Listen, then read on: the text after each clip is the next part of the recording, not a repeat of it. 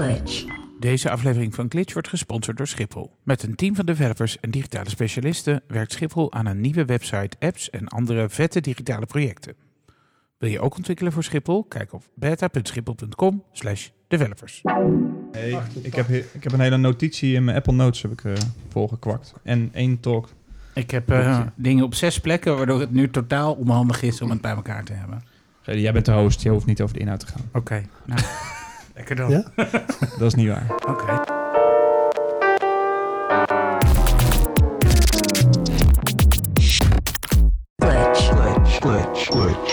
Glitch. Nou, Glitch, daar zijn we dan. Saber Zuidwest, dag 1. Fijn. Ja. Ja, nog een jetlag, David? Oh man, vreselijk.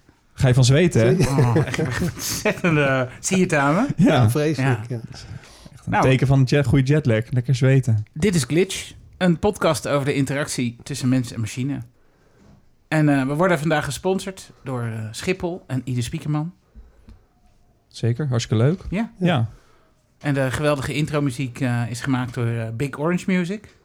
klopt. En het eh, cover artwork is eh, van eh, Linda Tettero van Ide Spiekerman. Kick-ass. Zeker. Ja. Maar eh Saber Zuidwest, dag 1. Ja, in één woord, David. Alles precies op zijn plek. Dat is echt een heel raar woord. Ja, sorry. Ik heb ook één woord. Wat dan? Geitenkaas ijs. Oké. En er zaten ook nog zwarte olijven in. En jij juist? Vol, vol hoofd. Ja. Nou, laten we dat eh, in de komende niet langer dan eh 40 minuten hè, eens even proberen een beetje leeg te maken. Joost, dit was jouw eerste dag uh, Cyber Surface Ja. ever. Ehm, wat, eh, wat, wat had je, heb je een soort, eh, voor je gevoel een soort thema van de dag? Thema, ja, voor mij Dark Patterns heb ik een paar keer terug eh, zien komen. Persuasive Design. Dat is volgens mij wel een belangrijk thema. Het laatste stukje was meer interface. De toekomst van de, de volgende stap naar de, de graphical interface. Meer technisch. Maar de rest van de dag vooral ook wat herhalingen gezien trouwens. Dark Patterns, daar Ja. zijn ze weer. Hè? We hadden Ja. het er in de eh, aflevering 0 ook al even over. Het is een hype. Ik, had- ik had vandaag twee kopieën van eh, sessies achter elkaar. Dus dat vond ik... eh, was En dat kwam volgens jou ook door een bepaald boek. Ja, ik had het idee dat er, er werden hetzelfde boek en sites aangehaald. Ik heb gewoon duplicaat van slides gezien. Exact dezelfde voorbeelden. Ehm, dezelfde thema's, dezelfde grafieken kwamen voorbij. Was wel eh, ja, op zich wel grappig. En heb je ook iets geleerd? Heb je iets, wist je, weet je nu iets wat je nog niet wist over Dark Patterns? Nou, het meeste komt wel bekend voor. Het eh, meest vernieuwende, of ja, wat me aan het denken zit, is dat het een grijs gebied is. Eh, we hadden het over, volgens mij de eerste keer, was het de eerste sessie die we hebben gezien, was het thema white patterns en dark patterns. Nou, komt eigenlijk wel achter dat het vooral allemaal grijs wordt. Kijk, dat, dat, dat vond ik, vind ik interessant van Dark Patterns. Hè? Dat, Dark Patterns is natuurlijk gewoon eh, mensen verleiden tot iets doen. Wat ze eigenlijk niet zelf zouden doen. Ja. Want als het wel zou, dan is het geen dark pattern meer. Maar als ik reclame maak voor een biertje, voor Ja. deze bombshell blond ale die ik nu in mijn hand heb, en ik zend dat uit eh, op de radio, dan maak ik eigenlijk, hè, dan verleid, wil ik jou ook verleiden Ja, tot iets. maar een dark is meer niet dat het, dat het ineens in je winkelmandje zit in de supermarkt. Dat je naar de kassa Nou- loopt en dan zit er ineens een blikje bier in je mandje. Nou, die is heel makkelijk, maar er zitten ook grijze gebieden in. Je Ja. kunt mensen ook sturen met dezelfde patronen en dan is een blikje bier verkopen. Dat valt nog onder de, zeg maar, aan, hangt aan de witte kant. Maar er zitten ook stukken tussen waarin je toch iets wil verkopen. Iemand een bepaald product goedkoper wil laten overkomen dan het da- daadwerkelijk is. Door Is een dat- bepaalde manier van eh, patronen te gebruiken. En dat vind ik al op het randje eigenlijk. Kun je, het, eh, kun je bijvoorbeeld dat oude voorbeeld van... eh, dat was ergens, weet ik veel, ergens in het ver verleden... dat in een bioscoopfilm een keer eh, één frame werd laten zien steeds... van een blikje cola of zo was dat. Ja. En dat, dat, dan, weer- dat je werd geprimed om... eh, Subliminal messaging. ja, dat je cola maar wilde volgens drinken. mij was dat een broodje aap achteraf. Ja, is dat Ja, een broodje? ja, aan? ja, ja, ja. Gaan we het nog wel even opzoeken, komen we morgen Ja. op terug. Maar wat- volgens mij, wat ik wel de, beste take-out vond, is eh, om te kijken of het echt dark is of dat het aan de, aan, de- aan de acceptabele kant zit, is of je het in het werkelijke leven, face-to-face, ook acceptabel zou vinden. Vind je het normaal als je iemand eh, je in je adresboek een adres laat overschrijven, dat hij dan je hele adresboek kopieert, bijvoorbeeld? Ja. Is het normaal dat als je het in je mandje stopt en iemand gooit er stiekem iets bij? Dat is wel goed dat je een winkelmandje pakt bij eh, eh, een supermarkt. Er loopt een En dat mannetje mee. zit gewoon al, zitten al drie producten Nee, er loopt Ja. een mannetje mee. En als je omkijkt, ligt er ineens een stekkerdoos in. Ja. of dat je s'nachts uh, ligt te ik slapen drie eh, stekkerdoos bij me vandaag. dat je s'nachts ligt te slapen en dat er een kabouter in je oor fluistert. Koop bier, koop bier. Ja, Ik daar- vind dat een grijs gebied. Nee, maar ik vind, het, Ja? ik vind het wel inderdaad heel goed als het... eh, als je het in de echte wereld niet pikt, moet je het in de digitale wereld ook niet pikken. Ja, maar zo kijk ik ook steeds vaker naar brands. Ik had uh, laatst een... Uh, nou ja, sowieso inderdaad het vergelijk van hoe een bedrijf met jou communiceert. Verplaats ik mezelf altijd een... Stel, de bakker zou dat doen. Zou je dan nog wel teruggaan naar die bakker? Want je wordt best wel af en toe uh, naar behandeld door brands... door hun hele communicatie of hun, gewoon hun standpunten ten opzichte van iets. Ja, aan de andere kant vraag ik me ook af hoe lang het nog mensen er nog in blijven trappen. Ik bedoel, het is heel, je, je verwacht van een tweedehands autohandelaar dat, die, dat je daar op je hoede moet zijn. Ja. En dat die dingen aan probeert te smeren. Uh, dit is de laatste. Er is al iemand anders die, die over een uurtje komt en die ook op de, interesse heeft in deze auto. Ik denk dat soort parallellen met uh, Booking.com, die aangeeft dat er al 38 mensen naar deze kamer kijken en dat er nog één over is, is hetzelfde gedrag. Dus als het nieuw is, denk je, nou, dit is onacceptabel. Maar ik denk dat een aantal jaar iedereen aan gewend is. En dat het gewoon normaal gedrag uh, ja. wordt. Wat wel een mooie parallel is met de sessie die ik uh, gezien heb vanochtend. Die heette Trust Me, I'm an Algorithm.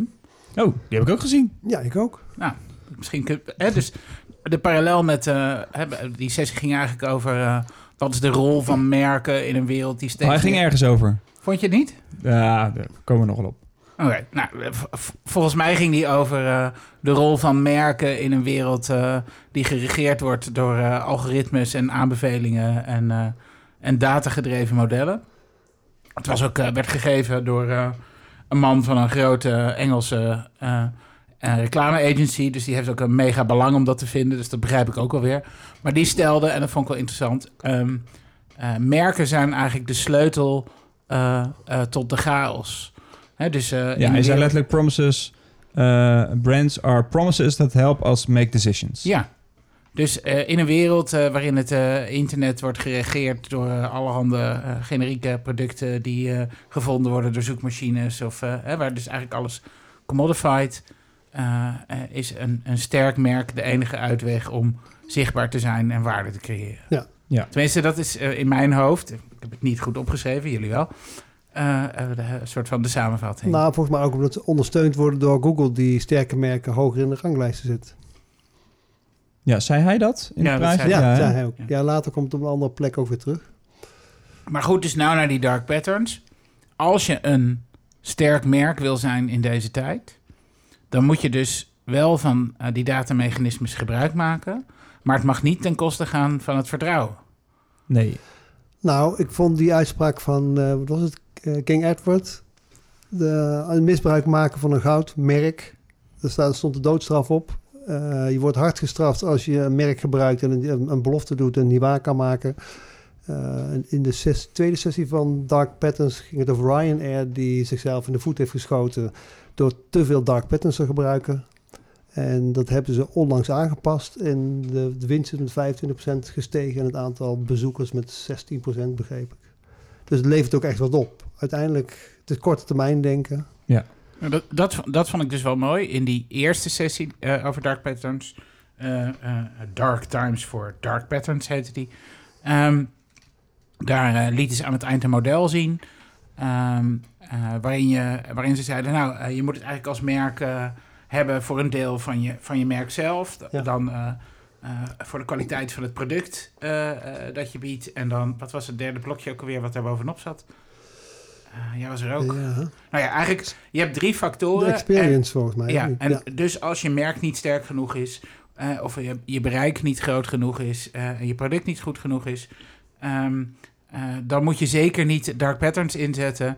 Uh, want dan kom je eigenlijk uh, uh, overal veel te slecht uit en dan waarderen mensen je niet goed genoeg. En dat vond ik wel interessant. dat of je hebt het, uh, want mijn takeaway was eigenlijk of je hebt het niet nodig, want je merk Ja. is al sterk genoeg. Of je kunt het je niet permitteren om die misleiding trucs in te zetten. Grappig, in de kopie van dezelfde sessie, eh, twee uur later, hadden we een iets ander model waarin, de, waarin ze aangaven dat het waarmaken van je service, wat je van een service verwacht, dat is een heel klein stukje van het vertrouwen wat je krijgt. En iets vier keer zo groot is de total experience van de manier waarop je met je klant omgaat. De hele interface zelf, afhandeling. Nou, Zelfde achtergrond hadden ze toch een iets andere interpretatie voor. ja. En we Eh. zitten in een eh, leuke eh, houten villa. Ja, wat vijf jaar geleden nog een crackhuis was. Laat onze huisbezin het maar niet horen. Met uitzicht op een kerkhof. ja. Ja. en in de verte blaft een hond. Ehm Renier. Ik, ik had nog wel een, eh, een, een takeaway uit die, eh, die sessie eh, Trust Me, I'm an Algorithm. Ehm, daar noemde hij ook ehm, dat je, je energie heel erg eraan gaat als je keuzes moet maken. En hij had het over... een mens maakt ongeveer 35.000 beslissingen per dag. De bron was niet, niet duidelijk, maar goed, da- daar gaat het even niet om. Het zal wel ergens in de buurt zijn. Het gaat erom dat mensen heel veel keuzes maken per dag. En dat deed me denken aan een artikel wat ik paar jaar geleden had gelezen. En dat artikel heette Your App Makes Me Fat. En dat eh, gaat eh, onder andere over een onderzoek wat ze in 99 hebben uitgevoerd. Daarin moest een groep mensen twee nummers onthouden. En het, eh, op een laat tijdstip moesten die nummers weer opnoemen. En een controlegroep, of tenminste dat was meer de controlegroep... een andere groep moest zeven nummers onthouden en daarna het weer opnoemen. En daarna kregen mensen de keuze tussen iets gezonds of iets niet zo gezonds. En de meerderheid van degenen die twee nummers moesten opnoemen... die kozen voor het gezonde eten. En de mensen die heel veel cijfers moesten onthouden... zeven cijfers, kozen voor het ongezonde eten. En daaruit eh, hebben ze gehaald dat... eh, hoe meer je moet eh, onthouden, des te meer keuzestress je eigenlijk hebt, des te ehm, sneller ga je over tot het nemen van de makkelijke beslissingen daarna. dus dat- je hebt een soort van energiepoeltje. En als dat te veel afneemt, dan ga je over op je, ja, je, je, wat, je, je basiskeuzes en de makkelijke dingen. Dat is, dat is volgens mij eh, hetzelfde mechanisme wat je in veel supermarkten ziet. Ja. Hè, dat je, je komt binnen en dan loop je ehm, gelijk al ehm, tegen een bak met, laten we zeggen, eh, snoepgoed aan. Dat je denkt, shit, ik sta bij de groente. Ik ben nog helemaal niet toe om eh, koekjes of snoep te kopen. En dan eh, ga je verder. Doe- Ja, doen Ja, doen supermarkten. ze Mijn supermarkt heeft dat niet. Die Ja. begint Nee, gelijk bij de groente. groente, ja. Ja, begin Ja, ook, Dan begin je met het goed gevoel. Maar daar zetten Ja. ze op strategische plekken eh, eh, verleidingsdingen tussen. Eh, en de, de gedachte daarachter is, is als je eh, al twee keer geconfronteerd bent met iets eh, wat je verleidt, dat je het dan de derde keer niet kunt weerstaan. En, la- en, laat, en laat, je, laat je dan, je dan op dat moment precies in het snoepvak staat. bij de kassa. Nou, of daarvoor eh, in de, weet ik veel wat. eh, Doen jullie dat wel eens? Bij Wat? de kassa nog snoep kopen? Ehm, Nee, daarover doe ik geen uitspraak. nee, ja, ik ook je nooit. ook nootjes. Want ik, ik weet juist van dat mechanisme. Ik- ja, jullie krijgen me niet, denk ik steeds. Dus ook al heb ik trek in een Snickers, ik pak hem daar niet. Heb je dan ook dat je geforceerd niet op ooghoogte, maar op kniehoogte het eh, Ja, koekvak in, induikt? ja nou ja, ja. Wat, omdat daar de goedkope Ja, koekjes precies. staan? ja, Daarboven staan de koeken die uh, maar het meeste minst op Ik dragen. wil altijd Ja. lekkere Ja. koekjes. Maar die hebben ze niet moet bij de in supermarkt. Moet je dan bakken. Die van Verkade. We worden gesponsord door Verkade. Oh, ga jij dat even regelen?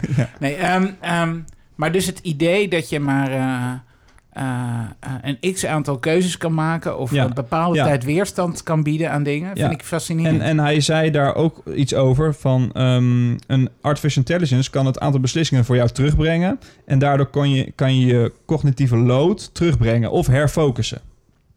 Daar had hij het expliciet over.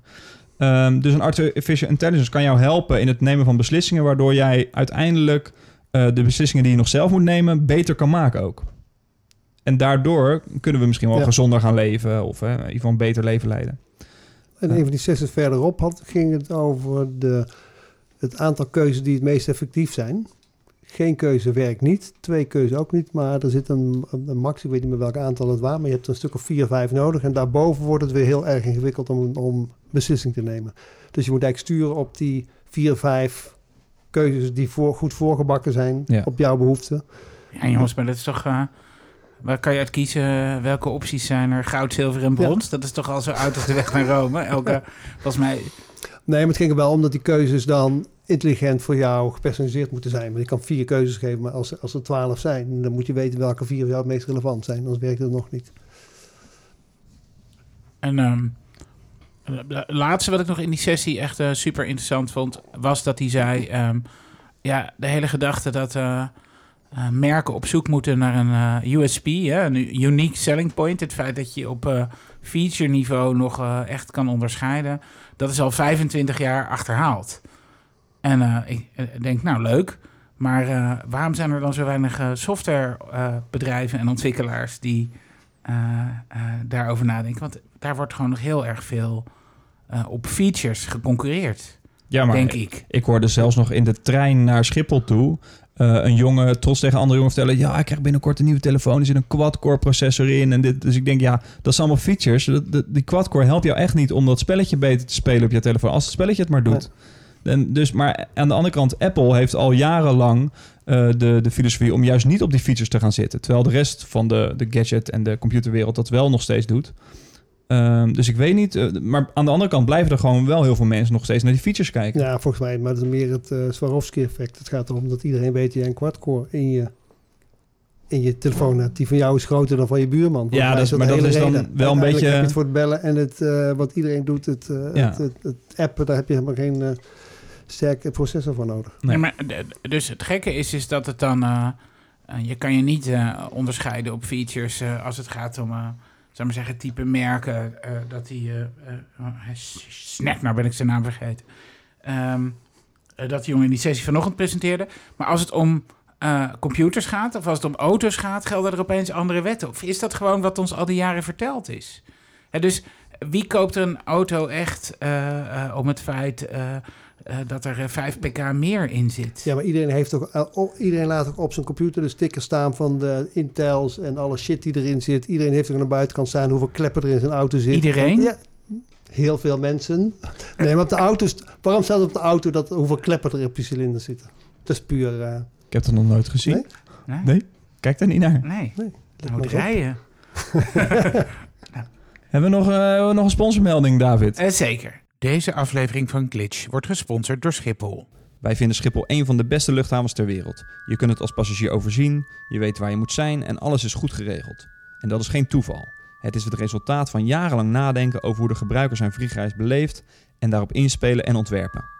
Digitale middelen zijn een steeds belangrijker onderdeel van die ervaring geworden.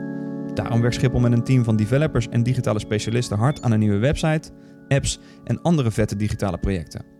Maar je hoeft ons niet te geloven, we vragen het gewoon even aan iemand uit het team. Ik heet Jeroen van der Gulik. Ik werk momenteel bij Schiphol als eh, lead backend developer. Ehm, de sfeer in het team ben ik heel erg tevreden over. Ehm, en ja, eh, ik denk het niveau. Het is eh, gezellig, maar wel professioneel. Eh, je merkt aan de kwaliteit van wat er wordt opgeleverd dat dit mensen zijn die dit eh, al een paar keer eerder hebben gedaan. En, eh, je, je hebt vaak aan een half woord heb je genoeg en dan snappen ze wat je bedoelt. Kritiek wordt eh, altijd gedaan op het werk, nooit op de man. En dat wordt ook zo ervaren. Het creëert een hele prettige werksfeer. Ik zou zeggen, mocht je het belangrijk vinden om een goede developerscultuur om je heen te hebben, dan is dit denk ik wel een van de betere plekken binnen Nederland momenteel. Wil je misschien ook ontwikkelen voor Schiphol? Kijk op beta.schiphol.com slash developers. glitch, Ik weet niet of ik over deze sessie moet vertellen, want dat was echt eh, drie keer niks. Vertel was even hoe die heet en waar je niet, waarom je er niet over wil vertellen. I'm see. Nee, wacht even. Celebrate the process of getting things done. En dat was van een, eh, een, een, een, een klein meisje, want daar sprak ze namelijk heel veel over. Want ze heeft een boek geschreven over hoe fijn het is om klein te zijn. En dat is eigenlijk gewoon het hele Wacht even, onderdeel Wacht even. van het praatje. Ah, Ze heeft een boek geschreven. Na een boek, een, een, een illustratieboekje. Dus Hoe met heel veel tekeningen, cartoons en zo. Ja, ja, ja, ja. Ehm, en daar ging het eigenlijk de hele tijd over. Over haar werk. Terwijl eh, de, de, ja, het heet Celebrate the process of getting things done. Dan ga je over je eigen werk gewoon helemaal uitpakken. En het was, eh, dat wist ik ook niet, er was een zaal eh, helemaal ingericht voor Adobe. Ehm, ik wist niet eens dat dat bestond. En, eh, op een hele zaal wat gebrand is door één bepaald merk. Nou, dit was Adobe. Je had er wel extra features in die zaal. Namelijk een popcorntafel en een taco-tafel en gratis iced tea en gratis limonade en zo. Dus daar probeerden ze mee in te, te luren, in, in te, te, te krijgen. Te Maar- verleiden, Ja, te verleiden, te lure- luren, ja. Verleiden. Ehm, en, ja, en, en ze had ook een soort van geforceerd praatje ertussendoor over hoe ze de Adobe nog wat app gebruikt op de iPad om eh de illustraties in te scannen en dan werd het een vectorformaat. Nou ja, Dat was de commercial. ja, het ging ineens een hele rare kant op. Maar voor de rest heeft ze alleen maar eigenlijk over de eigen werk gesproken. En dat vond ik een beetje, een beetje raar op, in zo'n sessie. Maar goed, dat, daar wilde ik het dus niet over hebben. Toen gingen we lunchen. even een eh servicemededeling. Ga je ooit naar Zuid bij Zuidwest? let dan op of eh, talks niet gesponsord zijn door Adobe, want dan zit je goed. Nou, het viel me wel op dat er heel veel Adobe-sprekers zijn. Ja. Heel veel. Ja, dat zag ik ook En wel. in het, IBM. eh, ja? Ook? IBM plugt volgens mij nu de accessibility. eh, ze hebben heel veel accessibility. En eh, Deloitte praatjes, Digital. Ja. Ja, Maar- de, co- de commercie rukt op. Maar als je eh, graag wil eh, zwijmelen bij de nostalgie van hoe Zuid-West eh, vroeger was, dan moet je bij Fast Moving Target zijn en niet Ja. bij ons. Want dat doen we niet, want wij zitten nu eh, te praten over Zuid-West. Ja, zeker. Ehm, eh, daarna ging ik lunchen. Ehm, en eh, toen eh, hebben we lekker bij een foodtruck eh, gegeten. En za- daarnaast had een, een, een ijsfoodtruckje. En daar hadden ze allemaal speciale ijssoorten. Eh, waaronder dus de zwarte olijven geitenkaas ijs. Getver. Zwarte olijven geitenkaasijs. Ja, Was het geen bedorven ijs? Nee, het Nee? was een zwarte olijven geitenkaas Ik, ijs. ik, En ik, ik probeer me, ik, Mm. ik probeer me gewoon En ik eh, ja, ik voor te niet- stellen hoe dat smaakt. Het beetje zo dat vettige en dat, dat pregnante nou, sterke zwarte olijf van geiten. Ja, dat, geitenkaas. dat zit gelijk in je neus. En dan een beetje zo... rond- Volgens En mij was het lekker. Was ja, het lekker? Ja, het was lekker, maar ik, ik, had, ik ging het eerst proeven. Ik vroeg, mag ik het even proeven? Want ik zag mensen voor me in de rij ook steeds een stokje krijgen met wat eh, te proeven. Dus ik ga het eerst even proeven. En ik vond het wel lekker, maar ik dacht, dit wordt wel, het is wel overheersend. Dus ik denk, ik ga niet een hele koep nemen met eh, zwarte olijf geitenkaasijs. Dus dat heb ik uiteindelijk niet gedaan. Maar ik had eigenlijk wel spijt achteraf dat ik het niet had gedaan. Want het was wel lekker. Dus ik een hele morgen- serie eh, hartige ijs, of niet? Nee, Nee? nee, het was, wa- de andere smaken waren veel minder heftig. Dat ging om een speciale koffie met nog wat en munt met nog wat. En ik had uiteindelijk de geroosterde aardbeien met honing of zoiets. Maar dat, de geroosterdheid van de aardbeien kwam er niet helemaal uit. Dus. Maar goed, dat is wel. eh, maar dat heb ik ook vooral meegenomen van vijf jaar geleden. eh, de, de, de, het, het aparte eten hier. Dus dat eh, wil ik er nog wel inhouden. Oké, nou, en ik heb dat- dus ook nog een, een, een cocktail op met jalapeno erin. Op aanraden van David. En, En? het was Ja. hartstikke lekker. Ja? Ja. hey, maar dan, ik, er is geen beter moment dan nu even. Want ehm, ik, ik wilde eigenlijk Oh ja. jullie elke dag iets laten proeven. Elke dag. Elke dag. Dus elke dag dat we hier in Cyber deze podcast doen... wilde ik jullie iets laten proeven wat eh, Texaans of eh, Southern American is. Ik En het is vandaag eh, hondenvoer. Ja, ik volgens heb, mij ook. Ik Ik heb hier nu... eh, wat nou, omschrijf jij het eens wat dit is? Ja, het is een rood zakje. eh, van, het staat op het Jack Links Meat Snacks. Sweet and hot beef jerky. Sweet seasonings en Beef zesty jerky. hot spices. Nou, voor wie het niet kent, beef jerky is gedroogd. Ja, ik heb het wel eens, ik heb er wel eens van gehoord. Ja. Wat je eet Zo, snack. ik krijg gelijk een Zo. lucht uit dat ja, ding. Ja, Te ruiken? Oh, zo. Er zit beetje hier weeg. knoflook eh, Oh, zit nee. erin. we hebben, we hebben eh, is twee wel- smaken. Joost, wat heb jij in je hand? Welke smaak is dat? Dit is de original, die heb ik. Original beef jerky. En jij hebt Ja, spicy iets. sweet and Spicy. hot. Sweet Oké, dit is- er hier, als jij de sweet and hot eh, Ja. proeft. Ik ga hem nu in mijn mond Of zullen we- stoppen. nee, weet je wat? We doen eerst alle drie de sweet and hot. En Alle dan proeven drie. we daarna de original. Ik een stuk uit moeten knippen voor we het weggeslikt hebben. Mm. Nee, gewoon Nee? even proberen. Oh, Ik zie Renier, het Mm. zit echt een beetje het soort, als een soort van... Is dit een klap in mijn Plastic. gezicht? Of wat? wat- Oké, het smaakt wel apart. Nou, het smaakt wel lekker. Het smaakt even een soort beefy Mm. worstje. Maar vooral de, de, het formaat en de structuur is echt gewoon wat je aan een hond geeft. Nou, het is Hm? wee. Daar moet ik een even hele- overheen. Het is een beetje zoetig Ja? wee, Ja. vind ik. Met een eh, pittig, scherpe nasmaak. Maar Ik vind het wel lekker. Ik krijg een Nee. beetje kippenvel van. Ja, echt waar? Ja. Ja. volgens mij ga je hier vanuit je uh. Nou, dat sowieso. Ja. alle Texanen, toch? Of niet? Oké. Ah. Ja? Ja, dan doen we ook nog even... Dus, en sweet and hot. Ik vond het wel zoet, maar niet hot. Jawel, wel hot. Ja? Als Ja. je hem weg hebt. Is dit sweet? Nee? dit wat is, is wat dit? je nu hebt, is de normal. De regular, de original. is gewoon onge... Hmm, is ook gelijk veel steviger van structuur. Zo, ja. Ja, Mhm. ik vind het ook lekkerder. leer zit erbij. Nee, nee, nee, nee. Die andere heeft te vind lang veel lekkerder. in een zoet eh, badje gelegen. Man. Hmm. Dit is gewoon een soort hartige, een beetje bouillonachtige smaak. Nou, Ik vind het echt niet te Nee. kaan eigenlijk. Nee? Maar het is echt, eh, w- welke pompstation ook, je ook binnenkomt in Texas hangen rijen en rijen met beef jerky. ja, Het is volgens mij hondenbrokken. Traditioneel. eh, Ik heb een keer iemand, toen zat ik in de trein naar Eindhoven, weet ik nog. Toen zag ik een Japanner, zag ik ook eh, een soort gedroogd vlees eten. Ik denk, waar heeft hij dat nou weer vandaan?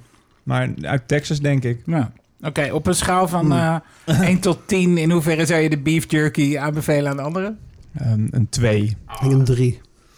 Ja, bah. maar jammer. Oké, nou. Morgen nieuwe kans. Je mag de zakjes opeten, David. ik denk dat we elke avond nog iets te snacken hebben. Ehm en hier. Je bent ook nog ergens wel geweest. Podcast Grown Up, Community and Monetization. Het is wel een heel meta-verhaal om het in een podcast over podcast te gaan hebben. Ja, maar ja, ik heb nou eenmaal een podcast en deze podcast daar zit ik, ben ik ook onderdeel van. Dus ik wilde dat, eh, ik wilde dat gewoon willen zien. En wat grappig was, er zat dus een gast, die heet eh Merritt, nog wat. Even kijken hoor. Mer- Tom Merritt. En die, eh, die ken ik blijkbaar, want ik heb wel eens naar een podcast van hem geluisterd. De Swords and Lasers podcast. En dat gaat over fantasyboeken. Ik heb daar een paar afleveringen een keer van geluisterd en dat vond ik best wel grappig. Eh, Later heb ik dat niet meer opgepakt, maar toch, hij zat er en dat vond ik wel leuk. En eh, er zat ook iemand die was Radiotopia begonnen, zoiets. En er- eh, wat ik daarvan weet is dat 99% Een van Invisible... mijn favoriete Mhm. podcast. Is daar en niet van? wegzeppen, mensen. Gewoon even hierdoor. Hierna kan je weer iets anders luisteren. Nou ja, ik denk dat voor podcastluisteren is het altijd heel leuk om tips over podcasts te Oh, krijgen. ja, is echt- 99%. Een van Ja. mijn all-time favorites. En daar heb ik allemaal dingetjes over geschreven. Eh, nou, wat, bijvoorbeeld die, die Tom Merritt vooral eh, eh, wist, eh, hij heeft heel veel ervaring met Patreon. Hij verdient voor mij best wel wat geld aan Patreon. En ehm, eh, ik vond het een leuk idee. Misschien gaan we dat met Appels en Show ook nog wel oppakken. Dat is dat misschien dat we daar überhaupt Patreon voor gaan inzetten. En dat je dan mensen ehm, laat meedoen in de quarterly hangout. Dat doet hij dus. Hij heeft een quarterly hangout waar fans dan gewoon in mee kunnen praten. Dat is, lijkt me leuk. En dat, en dat zendt hij ook Ja. uit? Of is Dat, dat... weet ik eigenlijk niet. Oh ja. nee, misschien moet dat gewoon wel privé blijven. Maar nodigt hij daar mensen voor uit? Of mogen Ja, dat zijn, het is, werkt net als met Kickstarter Patreon. Dus dan eh, kun je eh, mensen vragen om per podcast of per nieuwsbrief eh, een, een geld te, te betalen. Eh, en als je dan bijvoorbeeld een dollar betaalt, krijg je daar een bepaalde, eh, eh, hoe noem je dat, een bepaald extraatje bij. Eh, maar als je 10 dollar betaalt, dan krijg je ook weer een bepaald extraatje. Je kan hem zelf Ja. instellen. Ben, jij, ben jij al Patreon ergens van? Ehm, ja, dat ben ik toevallig vorige week geworden. Ehm, ik weet niet meer waarvan. Nee, dat weet ik niet meer. Kan ik opzoeken live naar zijn. Kom ik later op terug. Ehm, maar ik heb zelf vijf Patreons. Echt waar? Ja. Voor de Appels en Oh, Peren Nee, voor mijn nieuwsbrief. Oh, wat goed. Ja, die betalen allemaal een dollar per nieuwsbrief. Dus Ah, ja, ik vond het een leuk experiment. Dus ik heb dat een paar weken geleden ben ik dat gestart. En eh, nou, dat loopt dus nu een beetje. En wat geef je ze terug? Ehm, eh, nou ja, nee, dit is, dat zei je ook. Je moet het niet, dus niet eh, echt om bepaalde extraatjes gaan neerzetten, die dingen. Je moet mensen wel duidelijk uitleggen, oké, die podcast is gratis. Dus als jij daar waarde uit haalt, hè, geef dan ook wat waarde terug. Dus het is echt wel een vrijblijvend iets. Value for value heeft hij het over. Is dat niet eh, ook eh, iets wat, wat, in, wat het in Amerika beter doet? Omdat ze een cultuur hebben waarin eh, mensen die geld hebben gewend zijn om het... Misschien, ja. Er zijn genoeg podcasts en ook videoproducties op YouTube die best wel goed draaien op Patreon. ja. Ja. En, en in, die, in die talk, waren Nou, er nog concrete tips? aan panel. Waren er nog tips? Zijn er dingen die wij nog kunnen doen, bijvoorbeeld? Ehm, ja, eh, get on other podcasts was Hey. een tip. Van, hè, krijg je zelf een andere podcast. Dan gaan mensen die luisteren, dan luisteren ze ook Dan naar ga je, krijg je een soort zelfbevlekking Ja, van podcast. Nee, dat heet exposure, Joost. dat is niet zelfbevlekking. Kom. Eh, en voor Patreon dan zet goals. Dus dat kun je ook doen in Patreon. Eh, bepaalde goals zetten. Hè. Als ik 200 dollar heb binnengehaald, dan ga ik dat doen. Of 400. En dan Ah, zei iemand ook van... mensen zijn vaak bang van... joh, als er een heel hoog nummer wordt... hoog bedrag... eh, zijn mensen dan... Zijn, dan is, zijn de uitgevers bang dat mensen dan niet meer gaan betalen. Maar dat bleek helemaal geen Ja. probleem te zijn... als er maar duidelijke doelen werden gesteld. Dus... eh, ehm, en ik eh, kreeg te horen dat eh, dus de man van 99 Invisible, 99% Invisible, Roman Mars, dat dat gewoon zijn hoofdinkomen is. Dat is wel gaaf dat dat kan. Ja, zeker. glitch, Glitch wordt gesponsord door Eden Spiekerman. Eden Spiekerman is een super gaaf designbureau uit Amsterdam. En ze zitten ook in Berlijn, Los Angeles, Singapore en waar al niet meer. En ze zijn op zoek naar mensen. Joost, naar wie zijn jullie allemaal op zoek? We zijn op zoek naar een eh, jonge hond met 1 tot 2 jaar ervaring in branding en digital. Eh, een echte creatieve waaghals die al eh, zeker drie keer hard op zijn bek is gegaan. Eh, als je denkt dat je daaraan voldoet of ken je iemand uit je omgeving, heb je een gouden tip. Dan word je beloond met eh, een aantal Nederlandse biertjes en Duitse worsten. Eh, je kan je aanmelden eh, en de vacature uitgebreid lezen op de website van edenspeakerman.com slash jobs. Nou, zover zijn wij nog lang niet. Nee. Eh dat is misschien helemaal niet het doel. Is eh, misschien ook helemaal niet mogelijk in Maar, Nederland. maar, maar dan moet de wereld nog wat Ja. eh, verder veranderen. Nee, de, de, de- flauw bruggetje. Voelde je het bruggetje? Eh, nee, naar welke... Ik was, ik was naar een sessie en die heette... eh, If you really want to change the world... en dat wil ik altijd wel, de wereld een beetje veranderen... Ehm, maar dat bleek natuurlijk wel heel anders in elkaar te zitten... dan dat ik eh, van tevoren dacht. Het was een leuk verhaal van eh eh, Dr. Norman eh Winarski. Daar had ik nog nooit van gehoord. En jullie ook niet. Eh, maar dat is, eh, die heeft heel lang eh, SRI geleid... En dat was een Stanford Research Center. Stanford is een van de grote technische universiteiten hier in de VS. En SRI was het eerste research center dat ehm, niet meer research deed om de wetenschappelijke research, maar dacht nee, we willen met die research ehm, eh, maatschappelijke of eh, commerciële problemen oplossen. Problemen waarvan we echt weten dat ze spelen in de maatschappij. En daar zit- hebben ze SRI als aparte venture eh, voor opgezet. Hebben ook heel veel werk voor DARPA gedaan. DARPA, dat is uit Lost, hè? DARPA is ook Ja? gewoon in de echte wereld. DARPA hè? Initiative. Ja. Ja, DARPA, ijsberen. DARPA is de onderzoekstak van Defensie. En die doen heel vaak challenges. En daar komt heel veel wetenschapsgeld bij vrij. Laatst nog met die robots die allemaal eh, verschillende uitdagingen moesten afleggen. Oh, ja. of jullie dat, DARPA eh, Challenge. de DARPA Challenge, ja. Ja. precies. Maar dit ging dus over SRI en hij heeft dat heel lang geleid. En hij wilde eigenlijk... eh, eh, hij heeft een boek geschreven waarin hij zijn lessen over... eh, als je nou echt eh, een start-up wil beginnen of een bedrijf dat succesvol is... eh, denk dan aan dit en dit en dit en dit en dit en dit en dit. was nogal een lijst van dingen. Ehm, maar eh, wat ik eigenlijk het allergaafste vond... was wat hij over zichzelf vertelde. Eh, SRI heeft ook Siri eh, bedacht. Zij Oh. zijn de eh, eh, uitvinders van Siri.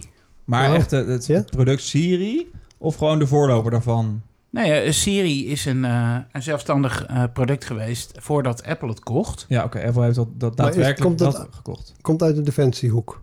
Nee, het komt uit eh, eh, van eh, SRI, dus het stands for het Re- Research. Initiative.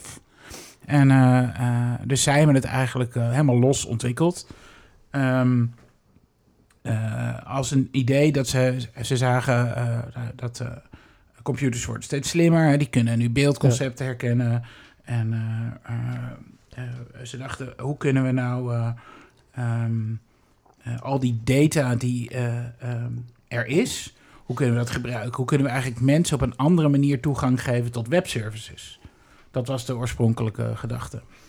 En wat ik eh, leuk eh, eh, vond, hij vertelde een anekdote. Hun eerste fase product was af en ze hadden goede demo's. En op een dag werd de CEO van het bedrijf werd gebeld en de telefoon ging en zei hi, it's Steve. En hi Steve, which Steve are you? Eh, zei hij, Steve Jobs. Eh yeah, that's a prank. En eh, toen hing hij op. en toen, toen duurde het Ja. even voordat de telefoon opnieuw rinkelde. No, no, really, Ja. it's really Steve Jobs. Het is toch wel Ja. mooi dat ook eh, dat dat toch zo eh, ging. Dat het gewoon Ja. begint met een, een telefoontje. En ehm, ehm, hij zei van dat hij natuurlijk heel blij was met dat het uiteindelijk door Apple gekocht was en dat hij niet mocht zeggen voor hoeveel geld. Ehm, maar dat billion dollars. eh, whatever. Maar eh, dat ehm, ehm, het ook jammer vond, omdat ze allemaal nog veel grotere plannen hadden. Wat ze met eh eh, Siri hadden willen doen dan Dat dat. valt hem nu ook een beetje tegen. dat is maar een beetje tik. Ja. Dat is eigenlijk een Ja. beetje een Hij was Apple een beetje aan het dissen. Mm. Hij zei: hey, we hebben dit aan jullie eh, verkocht en overgeleverd. En het kon eigenlijk Ja. meer dan dat het nu eh, kan. Maar ik denk eerlijk gezegd dat het echte ontwikkelen ook makkelijker in een niet-commerciële omgeving plaatsvindt. Een universiteit, een non-profit, waarbij je echt naar eh, innovatieve Ja, toepassing kan denken dat je een commercieel doel achter de hand Oh, dat hebt. is grappig, want ehm, eh, een van de lessen die hij had, eh, was dat het dus absoluut niet zo is. Nee. Hij zegt, eh, research om de research is niks.